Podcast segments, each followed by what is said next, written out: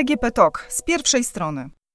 Dzień dobry, Agnieszka Gorczyca, Infor.pl. Gościem podcastu z pierwszej strony jest Helena Krajewska z Polskiej Akcji Humanitarnej. Dzień dobry. Dzień dobry. Obecnie na całym świecie stosuje się osiem różnych e, szczepionek. Obowiązkowa jest tutaj druga dawka. Być może zmieni się to w momencie, kiedy na rynek wejdzie szczepionka Johnsona. Tam ta dawka ma być tylko jedna. Które szczepionki, e, jeżeli chodzi o koronawirusa, są wybierane najczęściej, tak globalnie? W tym momencie stosuje się różne szczepionki, tak jak pani powiedziała, bo to zależy też nie tylko od dostępności danej szczepionki, ale i od warunków, w jakich można je przechowywać, jakich trzeba je przechowywać. Czyli na przykład Pfizer jest przechowywany w takich bardziej, bardziej zimniejszych. No minus 70 tak, stopni, gigantyczne Potrzebne hale są specjalne warunki, żeby mhm. przetrzymywać, transportować tę szczepionkę. No a niektóre kraje globalnego południa nie mają po prostu takich możliwości. Raczej decydują się na AstraZeneca, na przykład w wielu krajach afrykańskich. Raczej będzie decydowane, że to AstraZeneca będzie używana, ale y, gruchnęła taka wieść, że Rosja zamierza przekazać 300 milionów dawek y, swojej szczepionki do krajów afrykańskich. Oczywiście kraje y, afrykańskie przyjęły to z dużą radością, no bo potrzeby są ogromne, a tych dawek naprawdę jest mało w tym momencie. Z kolei na przykład w Peru stosowana jest, będzie stosowana, bo dopiero ruszają szczepienia, e, szczepionka chińska. Mamy wiele różnych, wiele różnych szczepionek i wiele możliwości na całym świecie. Jak państwa globalnego południa podchodzą do tematu szczepień? No, u nas temat bardzo kontrowersyjny, są zwolennicy, są przeciwnicy. Jak to wygląda w tamtych rejonach?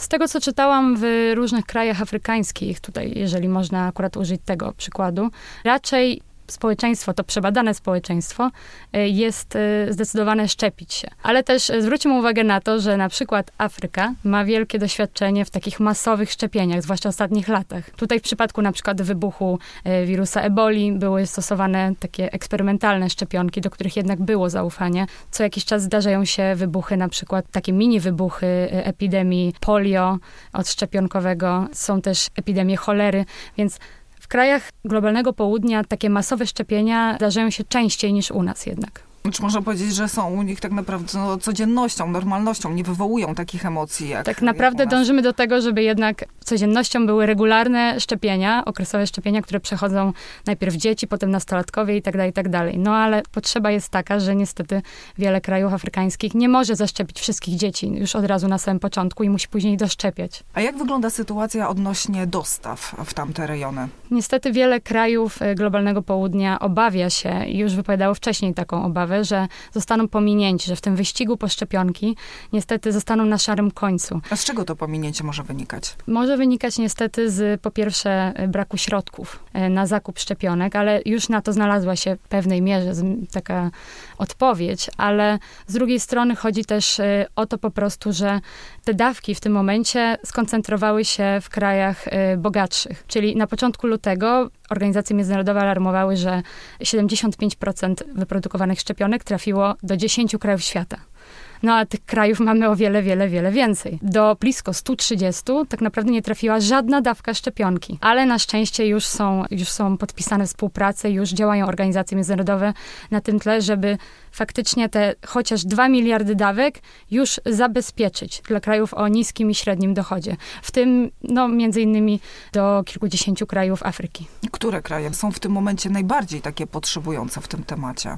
No trudno tak naprawdę określić, bo w wielu krajach, nawet jeżeli wyniki tego nie pokazują, to potrzeba jest. Na przykład w niektórych krajach, takich jak Jemen, gdzie działa Polska Akcja Humanitarna, to testowanie trudno uznać za miarodajne. To znaczy? Prawda? To znaczy, jest za mało laboratoriów, za mało testów i za mało badających, y, badanych osób i osób badających, bo mhm. też brakuje Takich lekarzy, punktów, pielęgniarek. Tak? tak, brakuje tych wiarygodnych, miarodajnych danych, żeby stwierdzić, że faktycznie y, jest większa potrzeba w Jemenie niż w innych krajach. Jest też tak, że na przykład wiele osób nie zauważa być może, że jeszcze do innej choroby dochodzi zakażenie koronawirusem, bo na przykład zmagają się z cholerą albo z zapaleniem płuc. Trudno tutaj rozsądzić. Ale jeżeli tak e, spojrzymy e, globalnie, to w tych miejscach, w których działacie, co najczęściej słyszycie, jeżeli chodzi o tą stronę medyczną, od lekarzy, od pomocy medycznej?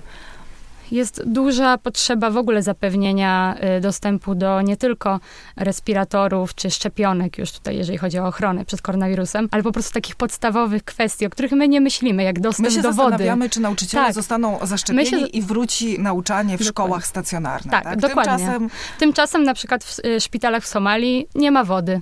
Nie ma dostępu do wody dla pacjentów, na przykład do opieki nad pacjentem po operacji i tak dalej, i tak. To są prawdziwe, realne problemy, z którymi się mierzymy, więc oczywiście bardzo ważna jest rozmowa o szczepionkach na koronawirusa.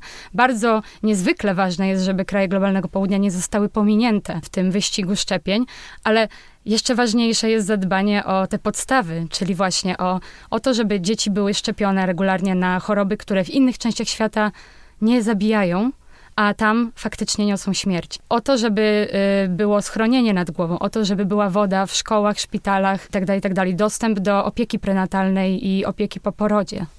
To są ważne kwestie. Wspomniała Pani wcześniej e, o tym, że pojawiło się światełko w tunelu, jeżeli chodzi o finansowanie zakupu tych szczepionek. Jakie tutaj są koncepcje na, na znalezienie i na ogarnięcie budżetu w tym zakresie? Jedną z odpowiedzi jest COVAX, czyli takie porozumienie, współpraca między organizacjami międzynarodowymi, w tym Światową Organizacją Zdrowia, Gavi i jeszcze kilkoma innymi podmiotami, które właśnie mają na celu zapewnienie szczepień, dwóch miliardów szczepionek dla 92 krajów o niskim i średnim dochodzie, no czyli właśnie są kraje globalnego południa. Czy to, to będzie w kwestii tych dwóch dawek już, czy raczej obstawiają jedną dawkę? Czy nie ma jeszcze takich informacji? No, Po prostu jest mowa o dwóch miliardach Mhm. szczepionek, ale dopiero zaczynają docierać takie y, szczepienia do wielu krajów globalnego południa. Na przykład do Libanu y, zaczęły docierać już y, pierwsze tysiące szczepionek, do Afryki ponoć niedługo, pod koniec miesiąca dotrze pierwszy milion, ale milion to jest bardzo mało, dlatego kraje globalnego południa z jednej strony aplikują do COVAX-u, z drugiej strony starają się zapewnić sobie poprzez współpracę bilateralną szczepienia. Te kraje, które stać, starają się wykupić szczepionki, jak na przykład RPA. Inne kraje pokładają wiary w takie organizmy, jak na przykład Unia Afrykańska, która e, też zabezpiecza kolejne dawki z innej już strony. Więc jest bardzo wiele tych współprac, wiele źródeł e, finansowania, bo na przykład Liban poprosił o dofinansowanie e, do szczepień e, Bank Światowy. A jak wygląda sytuacja odnośnie reżimu sanitarnego w tych krajach? W niektórych krajach niestety trudno e, zachowanie takich zasad sanitarnych, o których my tutaj myślimy i ich przestrzegamy, staramy się przynajmniej przestrzegać, bo jeżeli weźmiemy pod uwagę takie miejsca, w których na przykład są duże obozy dla uchodźców wewnętrznych albo tych uchodźców z innych krajów, no to są takie miejsca bardzo przeludnione, gdzie nie ma szansy na izolację, kwarantannę, gdzie nie ma dostępu do punktów mycia rąk albo bardzo słaby dostęp do Do e, do tej wody, Mhm. do dezynfekcji to już w ogóle, ale wody i mydła przede wszystkim. W różnych szpitalach też e,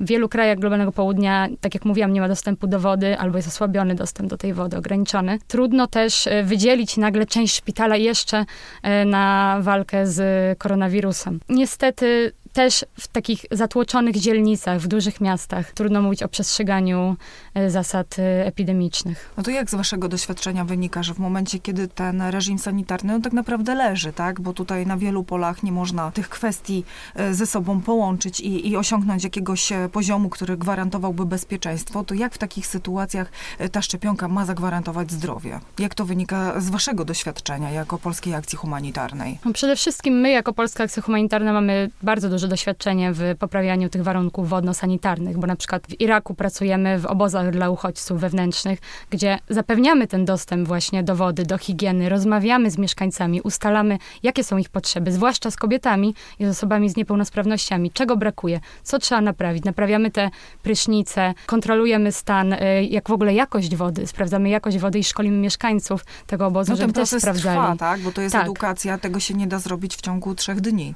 Dokładnie, ale my pracujemy już od wielu, wielu lat. Właśnie współpracujemy z Komisją Europejską, ze środków europejskich e, w Iraku. To samo robimy też w Jemenie, gdzie e, wspieramy wprost ochronę zdrowia, kliniki. W tym jedną klinikę e, zaczęliśmy w zeszłym roku wspierać z Caritas Polska. Teraz to się już rozrosło do większej liczby e, klinik, gdzie naprawdę zapewniamy ten dostęp do wody, do wiedzy, szkolimy personel medyczny. Personel medyczny przekazuje tę wiedzę dalej.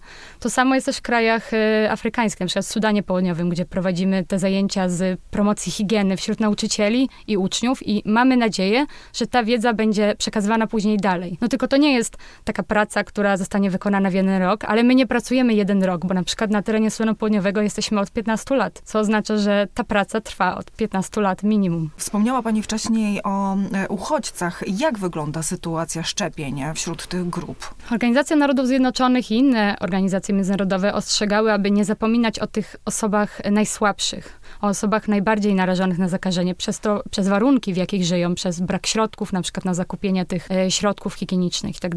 I takie osoby to między innymi właśnie uchodźcy, to między innymi e, migranci, azylanci, e, osoby, które zostały e, sprowadzone do danego kraju, aby pracować jednak w takich branżach niskozarobkowych. One często nie mają środków na to, żeby się odpowiednio zabezpieczyć, jeżeli chodzi o higienę. Z tego co wiem, na przykład Jordania od samego początku szczepi także uchodźców. No a w Jordanii jest ponad 600 tysięcy osób, które uciekły z innych krajów, na przykład Syryjczyków. W Libanie, z tego co mówi rząd, również y, będą zapewnione szczepienia tak dla uchodźców y, syryjskich, jak i palestyńskich, których jest bardzo wiele w tym kraju.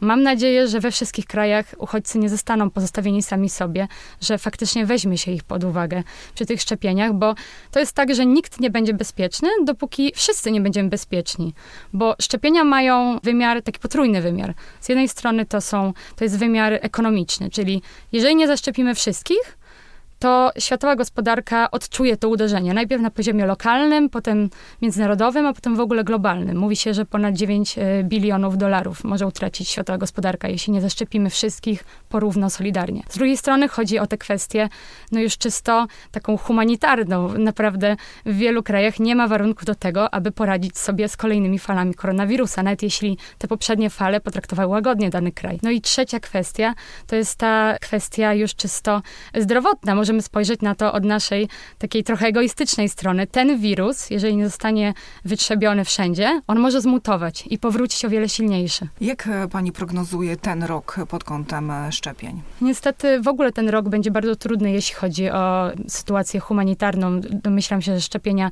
też będą y, trudne w różnych krajach z uwagi na czynniki zewnętrzne, bo to, że trwa pandemia koronawirusa, nie oznacza, że tak naprawdę zatrzymały się wszystkie inne problemy. Trwają konflikty zbrojne w Jemenie i we wschodniej Ukrainie. E, na przykład trwa e, konflikt w Etiopii. Weźmy pod uwagę wszystkich uchodźców z Etiopii, którzy uciekli do Sudanu albo przemieścili się wewnątrz Etiopii. Przecież bardzo trudno jest zaczynać szczepienia w takiej sytuacji. Bardzo trudno jest doprowadzić do szczepień e, na ponad 40 liniach frontu w Jemenie na przykład, czy po dwóch stronach linii kontaktowej w Ukrainie. Do tego cały czas wydarzają się katastrofy naturalne. Powodzie, susze. Jeżeli powódź odetnie jakiś obszar, będzie bardzo trudno się do niego dostać, a jednocześnie wzrosną inne problemy, jak na przykład przechowywanie tych szczepionek, czyli tam, gdzie jest gorący klimat, a jeszcze do tego na przykład drogi zostaną e, zamknięte przez powódź, będzie trudno tak rozplanować logistykę, aby dostarczyć do tych najbardziej odciętych regionów szczepionkę. Czyli musimy brać to wszystko pod uwagę, jeżeli mówimy o szczepieniach, że to w ogóle będzie bardzo trudny rok dla pomocy humanitarnej, no i w ogóle dla opieki zdrowotnej na świecie. No a zapowiada się, że nie tylko ten rok, ale i następny, bo biorąc pod uwagę wszystkie te procesy, trochę to czasu zajmie. Niestety tak. Pani Heleno, w takim razie, czy my mamy jakiś realny wpływ na to, co się dzieje? Tak, Polacy mają realny wpływ na to, co się dzieje. Mogą wspierać organizacje, które działają e, nie tylko w Polsce, ale i za granicą, zwłaszcza w tych krajach globalnego południa. Tak jak mówiliśmy, e, są e, różne sposoby wspierania takich działań, jak na przykład tych, które prowadzimy we wschodniej Ukrainie, gdzie, jak mówiłam, będzie duży problem z dostępem nie tylko do szczepionek, ale i do zapewnienia właściwej opieki zdrowotnej, bo we wschodniej Ukrainie w większości teraz zostali e, sami seniorzy, osoby, które nie mogły wyjechać, osoby z niepełnosprawnościami, takie starsze, samotne kobiety. To właśnie obserwujemy. I my do nich docieramy z pomocą, docieramy ze środkami higienicznymi, docieramy z drogimi artykułami e, dla nich pierwszej potrzeby, na przykład tutaj z mydłem, e, pieluchami, kremami dla osób leżących, przykutych do łóżka. A oni nie są w stanie zapewnić sobie tych produktów sami, bo muszą wybierać, co zjeść następnego dnia, albo zapewnić sobie tę higienę.